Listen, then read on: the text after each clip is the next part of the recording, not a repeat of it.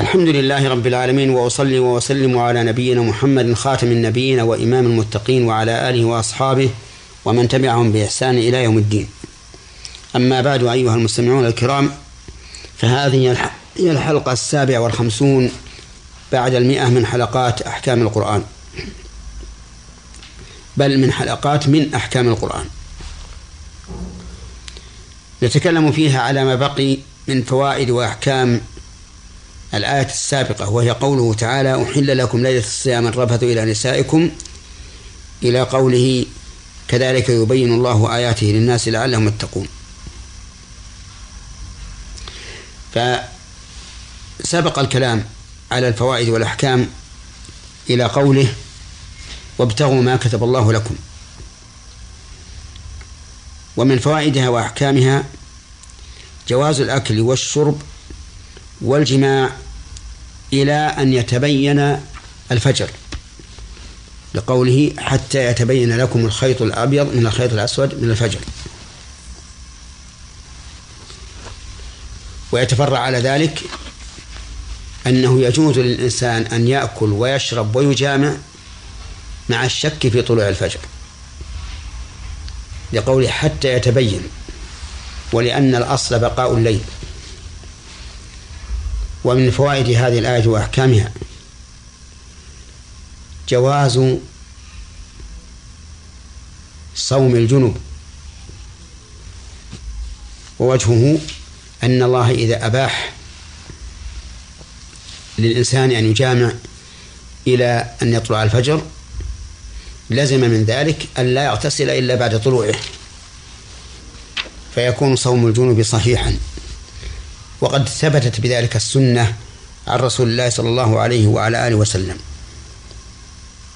أنه كان يصبح صائما وهو جنب من جميع أهله. صلوات الله وسلامه عليه.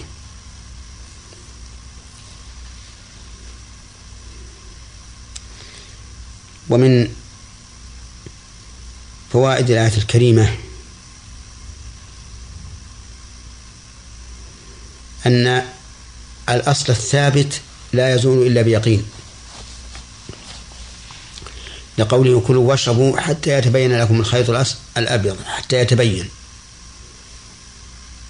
وهذه الفائدة قد دل عليها ما ثبت في الصحيح من حديث عبد الله بن زيد وأبي هريرة رضي الله عنه عنهما في من أشكل عليه هل أحدث أم لا فأمر النبي صلى الله عليه وعلى آله وسلم ألا يخرج من المسجد ولا ينصرف من صلاته حتى يسمع صوتا أو يجد ريحا.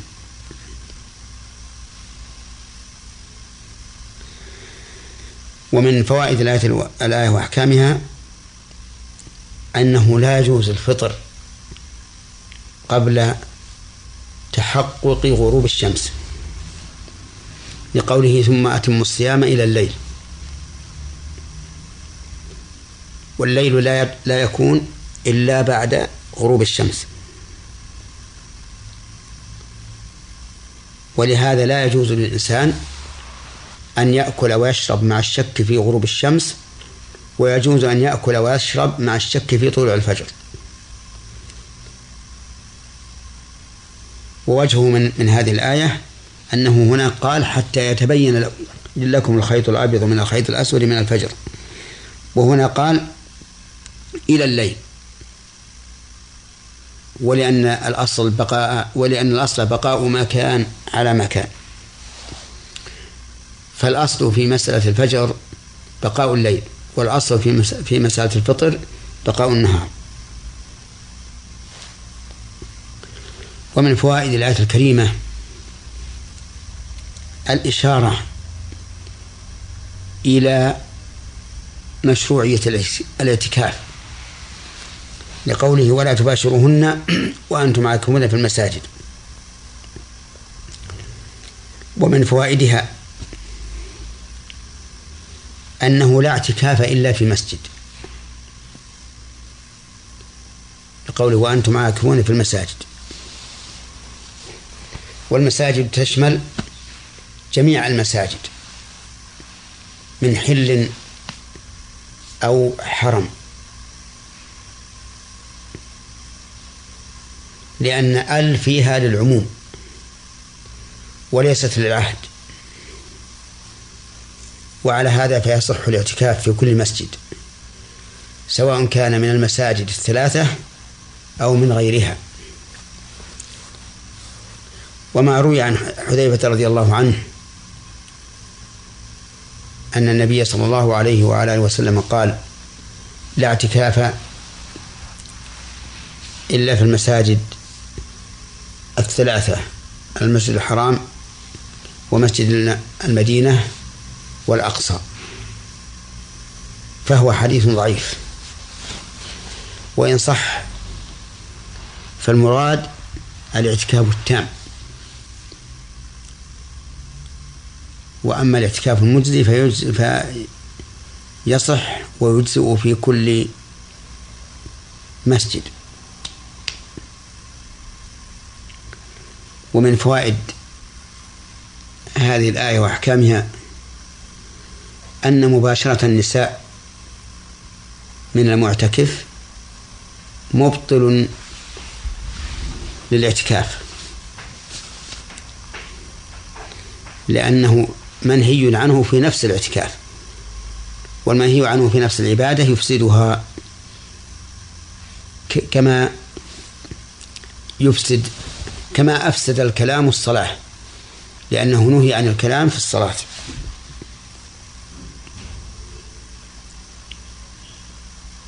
ومن فوائد هذه الآية وأحكامها مشروعية الاعتكاف. ووجهه أنه أنيط به, به أحكام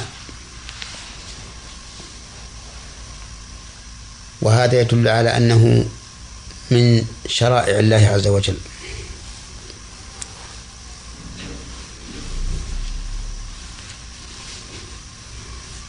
ولكن ما هو الاعتكاف المشروع المسنون الذي هو من سنة الرسول صلى الله عليه وسلم؟ الجواب هو الاعتكاف في العشر الأواخر كما اعتكف النبي صلى الله عليه وعلى آله وسلم وإلى حلقة قادمة إن شاء الله. والسلام عليكم ورحمة الله وبركاته.